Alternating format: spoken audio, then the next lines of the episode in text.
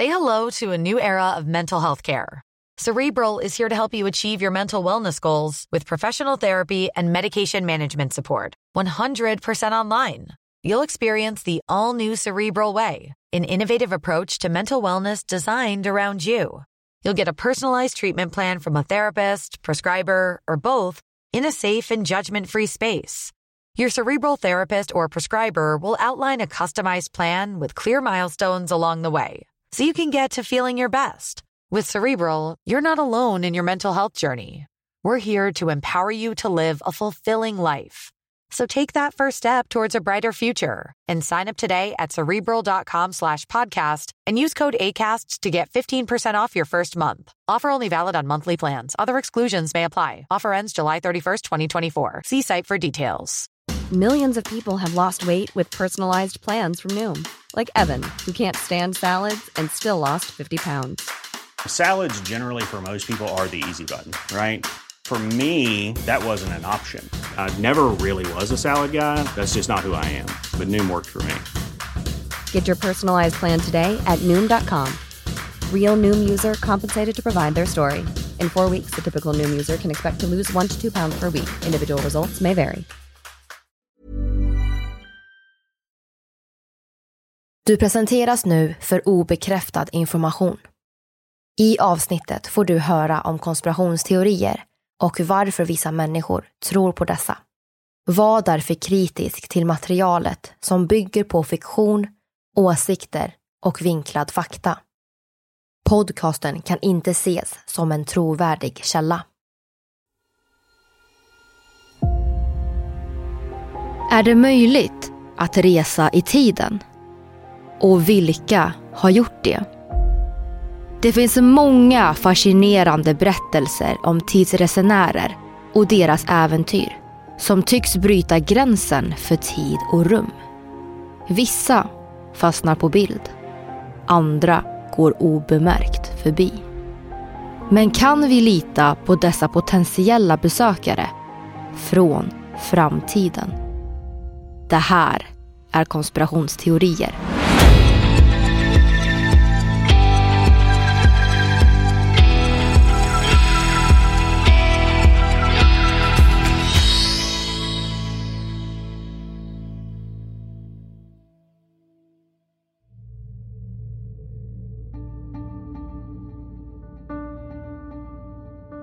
En man vid namn Alexander Smith påstår att han har rest i tiden till år 2118. Enligt hans historia var han delaktig i ett topphemligt CIA-uppdrag eller experiment år 1981. Han reste fram i tiden och sen tillbaka till det förflutna igen. Och vad han vet är hans resa i tiden en av de första lyckade resorna. Han påstår att han kan bevisa det här genom ett foto som ska vara taget år 2118 som vi kan dela via våra sociala medier, konspirationsteorier på Facebook och Instagram. Bilden är något suddig men den ska föreställa en stad han besökte. Man kan se några byggnader. Han påstår att amerikanska regeringen har originalfotot men att han lyckades ta en kopia. Han påstår även att han riskerar sitt liv genom att berätta historien och att CIA söker efter honom. Han har berättat hur världen ser ut i framtiden. Han har bland annat sagt att klimatförändringarna kommer bli värre och att det kommer att talas nya språk. Men kanske mest intressant är att han har sagt att jorden kommer få besök av utomjordingar. Men först under 2000-talet. Och enligt visselblåsaren David Grush har USAs regering undersökt detta sedan Roswell.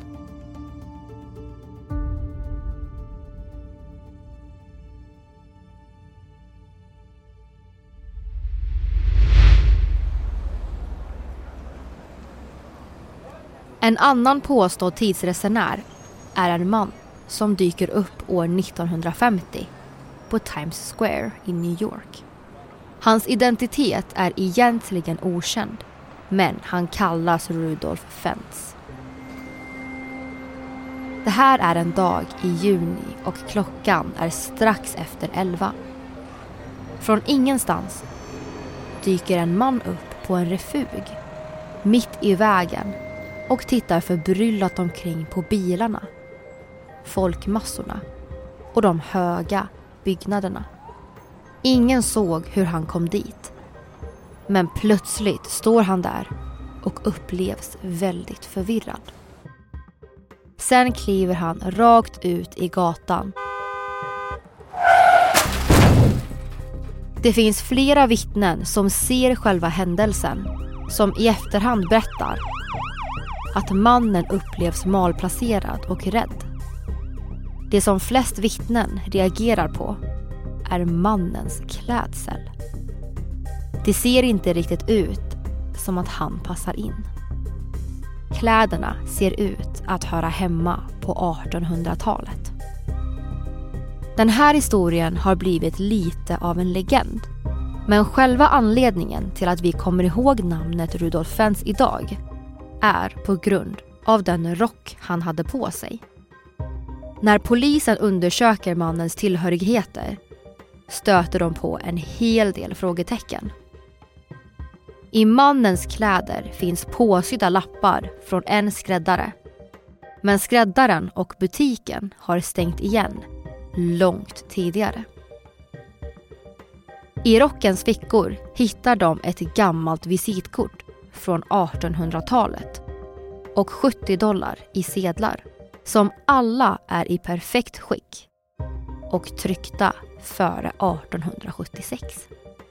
Det ligger även ett kvitto där från ett stall på Lexington Avenue som rör skötsel och rengöring av häst och vagn. Och detta stall finns inte med i något företagsregister. I fickan ligger även en mässingpolett som är värd 5 cent från en bar som ingen har hört talas om. Mannen har även med sig ett dokument från en hotellvistelse i Philadelphia i juni 1876. Och det kanske mest underliga är en bronsmedalj från en kapplöpning för trebenta. Poliskommissarien försöker såklart hitta mer uppgifter om mannen. Men det visar sig vara lättare sagt än gjort. Det dyker upp ett namn från 1800-talets arkiv som verkar stämma in. Polisen letar fram ett nummer i telefonkatalogen och blir något förvånad när en kvinnlig röst hörs på andra änden.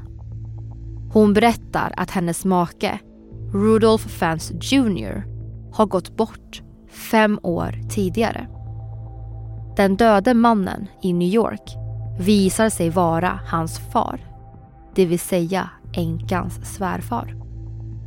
Hon berättar för kommissarien att hennes make var 29 år gammal när hans pappa spårlöst försvann en junikväll 1876 under en promenad.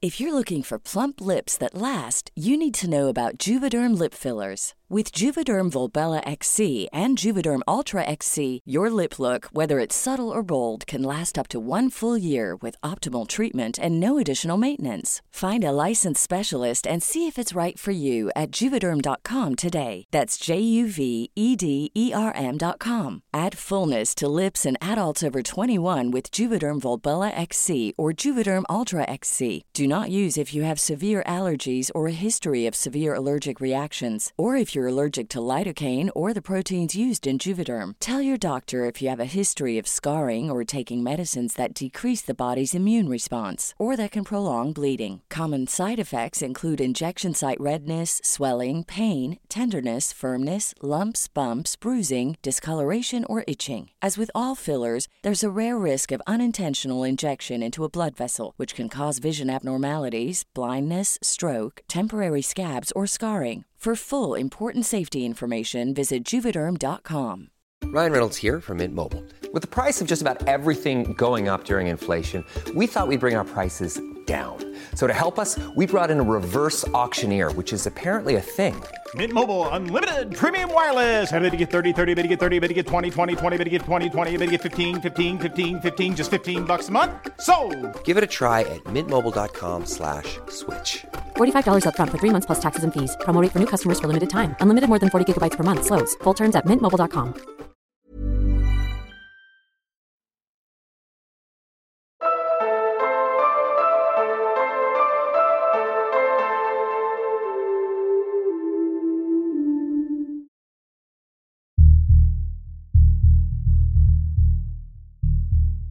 Vi fick tips av en lyssnare om en tidsresenär.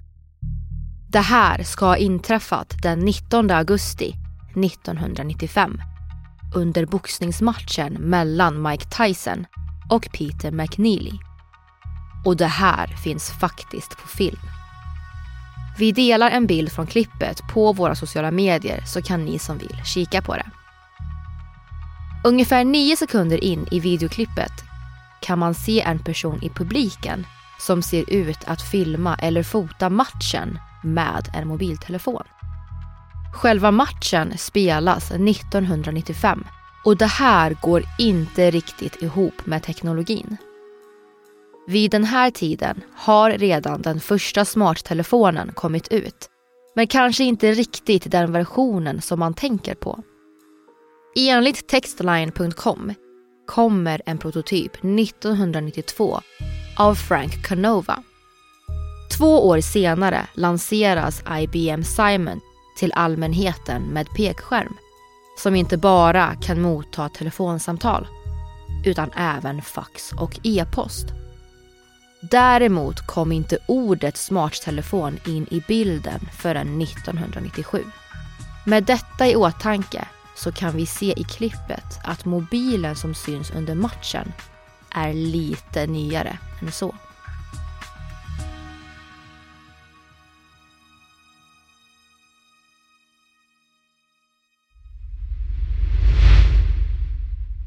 Nästa tidsresenär är en 38-årig brittisk stridspilot vid namn Victor Goddard. Den här historien utspelar sig en regnig dag 1935 när Victor Goddard flyger rakt in i ett oväder utanför Edinburgh i Skottland. När planet kommer ut från de mörka molnen möts han lite märkligt av en bländande sol. Och han ser hur landskapet under honom badar i solljus. Han reagerar snabbt på att samma bondgård som han passerat tidigare samma dag syns framför ögonen. Men den ser annorlunda ut. Djuren är borta. Han ser varken får, kor eller grisar i hagen. Bondgården har förvandlats till ett flygfält där det är full aktivitet. Han skymtar gula flygplan på marken och personal i bruna uniformer. Han vet mycket väl att stridsplanen är silverfärgade. Den flygplansmodell som står på marken finns inte. Han har helt klart sett fel. Han tittar ner på sin egen uniform. På den obligatoriska blåa färgen och funderar på vad ögonen spelar för spratt. Fyra år senare återvänder Victor Goddard till flygfältet. Andra världskriget är i full gång och Goddard är chef för flygstabens underrättelsetjänst. Han möter upp personalen på flygbasen och förvånas över den nya uniformen och den uppdaterade flygplansmodellen. De har han redan sett. Fyra år tidigare. Den här historien har blivit känd som Goddards Ghost och finns i några olika versioner. Men i helhet berättar den om en paranormal upplevelse. Kanske lyckades Goddard passera en slags ficka där han reste i tiden. Eller så fick han se en liten glimt av en annan tidslinje. Vår nästa tidsresenär heter John Teeter som påstås vara en amerikansk militär som rest i tiden. Under november 2000 publicerar användaren Time Travel 0 ett inlägg på Time Travels Institutes forum. I januari 2001 publiceras ett liknande inlägg på ett annat forum, Art Bells Coast to Coast AM, där användaren nu kallas John Teeter. Han påstår att han kommer från år 2036 Mm. men skickats tillbaka på ett militärt uppdrag för att hämta en specifik dator från det förflutna. Datorn som han ska hämta är en IBM 5100. En modell som hans farfar har varit delaktig i gällande montering och programmering. Teeter ger flera detaljer om framtiden inklusive teknologiska och samhälleliga förändringar. Han berättar om ett kärnvapenkrig år 2005. Ett amerikanskt inbördeskrig från 2008 till 2015. Och ett tredje världskrig år 2015. Han berättar att han kommer från en tid och värld där USA drabbas hårt av inbördeskriget vilket delar landet i fem regioner. Och han tar upp några städer som påverkas. I diskussioner om teknik berättar han också om tidsmaskiner och ger både beskrivningar och diagram som visar en slags stationär apparat och en temporal förskjutningsenhet. Han lyfter även upp utomjordingar. Som vi vet idag har dessa händelser inte inträffat.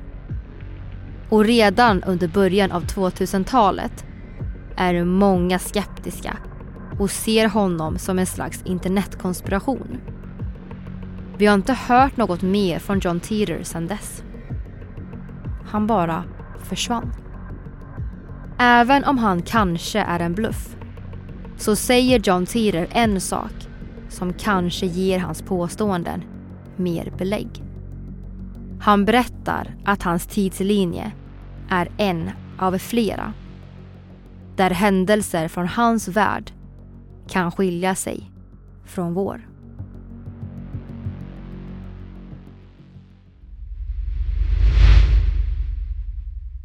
I november 2017 dyker det upp en man vid namn Noah på sajten Paranormal Elite. Han berättar att han kommer från år 2030 men råkat bli strandsatt i år 2017. Mannens ansikte är blurrat. Han vill vara anonym och berättar att han vill avslöja detaljer om framtiden som kommer sätta ett pris på hans huvud.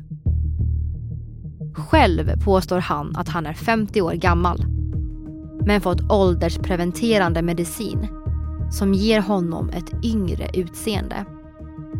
Vilket gör att han ser ut att vara runt 25 år. Genom åren dyker han upp på olika onlineplattformar med förutsägelser om framtiden. Han delar med sig av personliga berättelser och förutsägelser om framtiden. Både om framtida händelser och teknologiska framsteg. Men påståenden om tidsresor väcker också stora frågor. Framförallt i sanningshalten. Noahs berättelse går snabbt viral och blir en världsnyhet. Samtidigt som många höjer ett skeptiskt ögonbryn. Under en intervju år 2018 på Youtube-kanalen Apex TV väljer han att försöka styrka sina påståenden genom ett lögndetektortest. I teorin används en polygraf för att mäta och registrera olika fysiologiska indikationer samtidigt som en person besvarar frågor. Tanken bakom proceduren är att det kan finnas mätbara förändringar i bland annat hjärtfrekvens, blodtryck, andningsfrekvens och hudens elektriska ledningsförmåga om en person ljuger.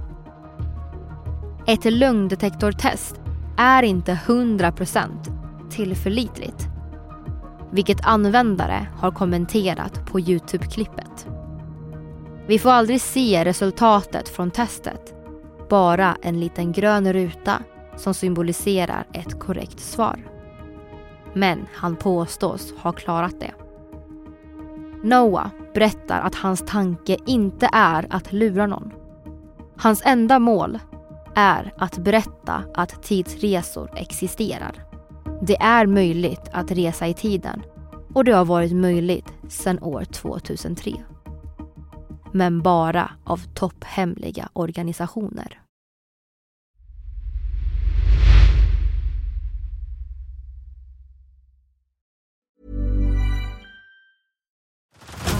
Head over to Hulu this March, where our new shows and movies will keep you streaming all month long. Catch the award winning movie Poor Things, starring Emma Stone, Mark Ruffalo, and Willem Dafoe. Check out the new documentary, Freaknik The Wildest Party Never Told, about the iconic Atlanta Street Party. And don't miss FX's Shogun, a reimagining of the epic tale, starring Anna Sawai. So, what are you waiting for? Go stream something new on Hulu.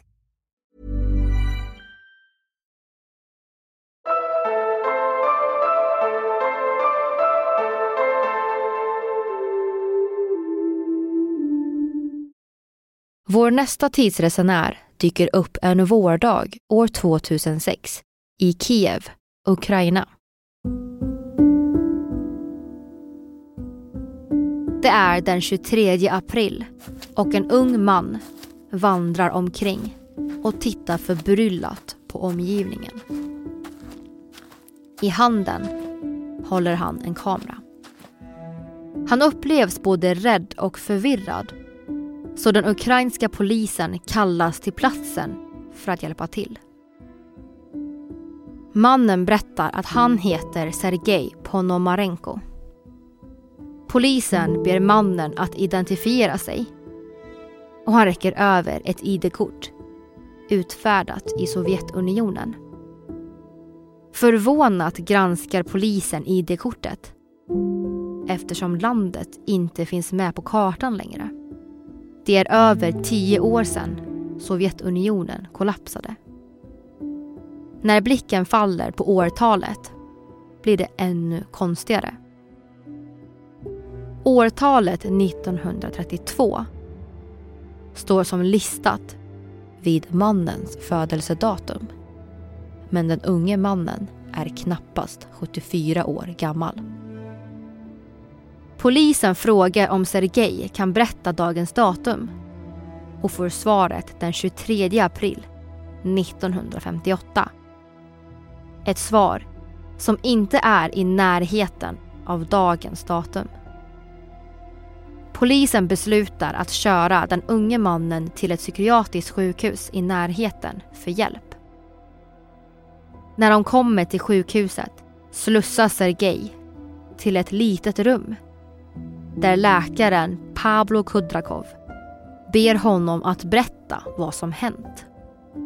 Sergej berättar för läkaren att han är 26 år gammal och föddes den 17 juni 1932. Han fortsätter att berätta om promenaden tidigare under dagen. När han bestämde sig för att gå in till stan med sin kamera.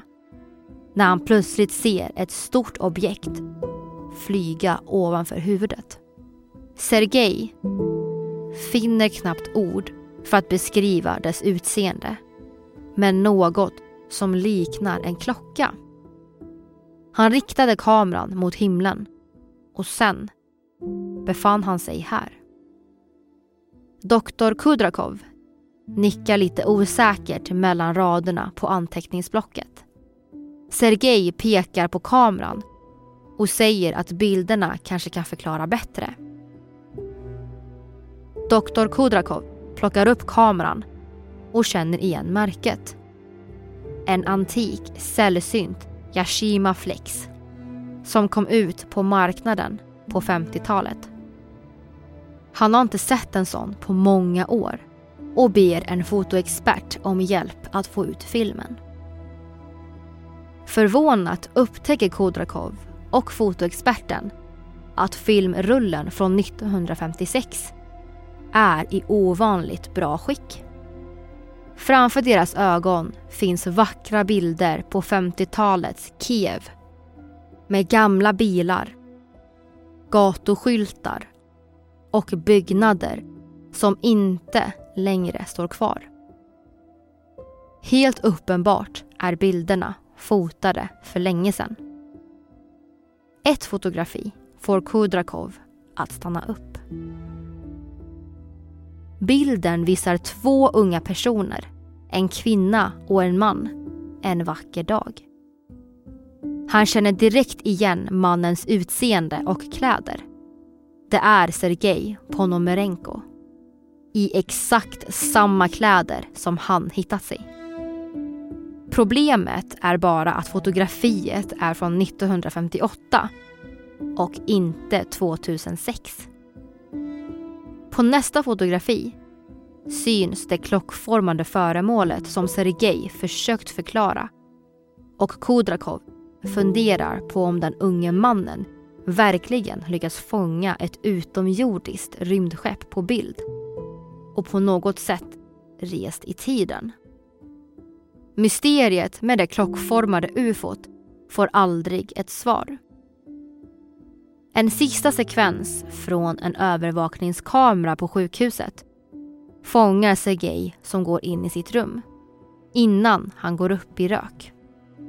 Personalen har ingen aning hur han lyckades fly och polisen lyckas inte lokalisera mannen.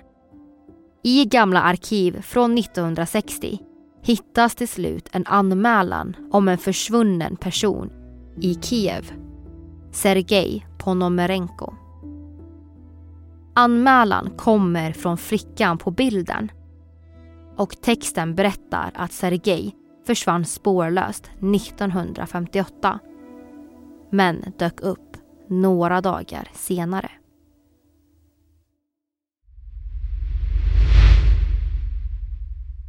Jag vill avsluta med en berättelse om Vatikanen och mer specifikt vad som kanske döljer sig i de hemliga arkiven.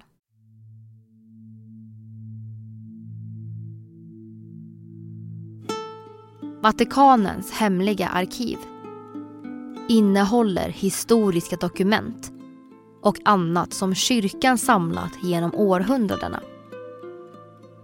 Det handlar om ungefär 85 kilometer av hyllor fyllda med information som hålls undangömda och hårt bevakade av Vatikanstatens militärstyrka.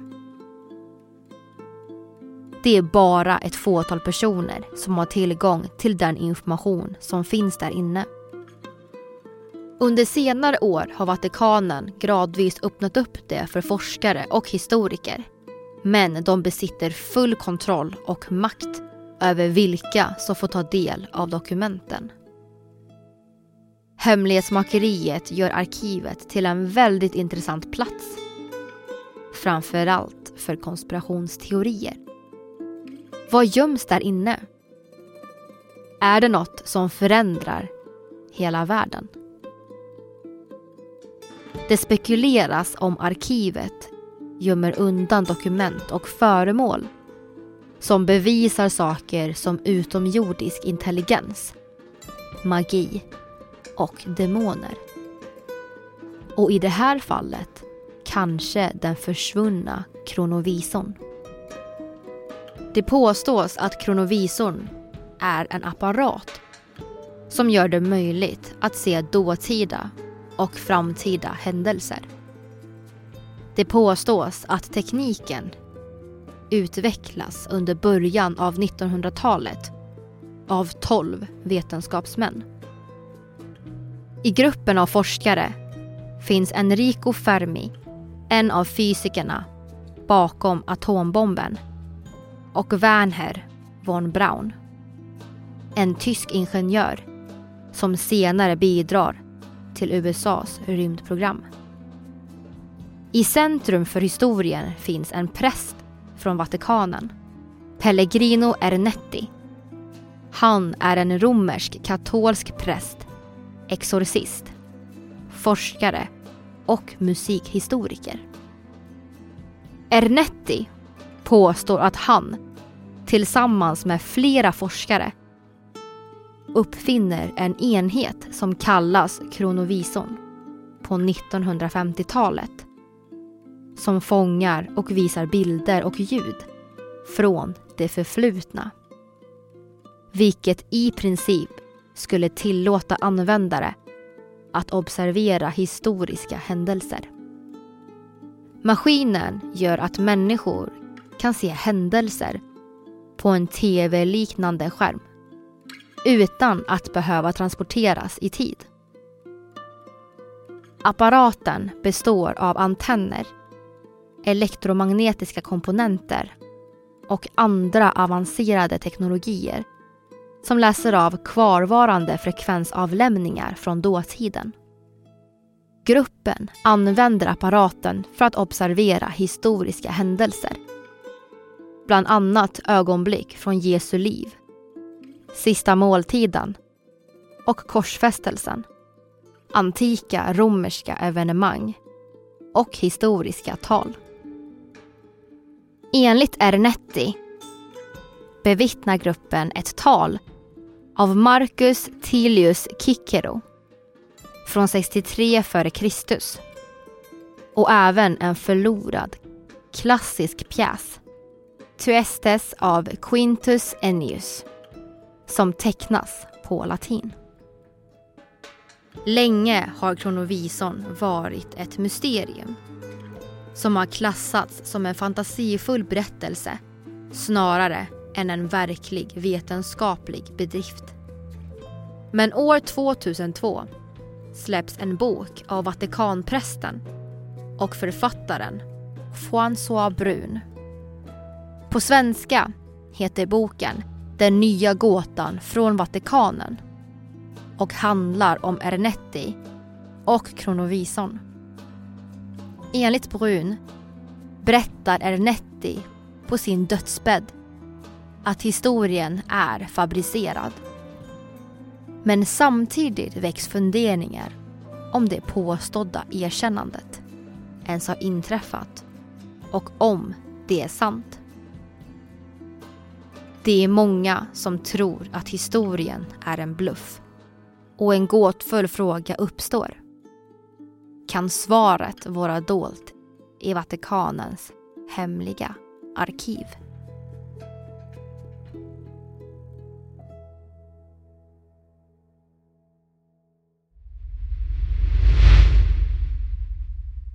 Och det här var alla tidsresenärer som vi hade för idag.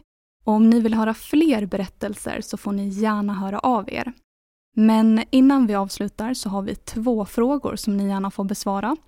Lyssnar ni på Spotify så kan ni svara i avsnittet. Och lyssnar ni på andra plattformar så kan ni skriva en kommentar eller höra av er till oss på våra sociala medier. Vi heter ju konspirationsteorier på både Facebook och Instagram eller konspirationsteorier eftersnack på Facebook. Och det vi undrar är om ni tror att det är möjligt att resa i tiden. Och om det gick att resa i tiden, till vilken tid hade ni rest? Och nästa måndag, den 29 januari, så kommer vi att prata om Stonehenge. Så tills dess så får ni diskutera en massa om tidsresor. Och kom ihåg att ta hand om er så hörs vi den 29 januari. Hej då! Hej då!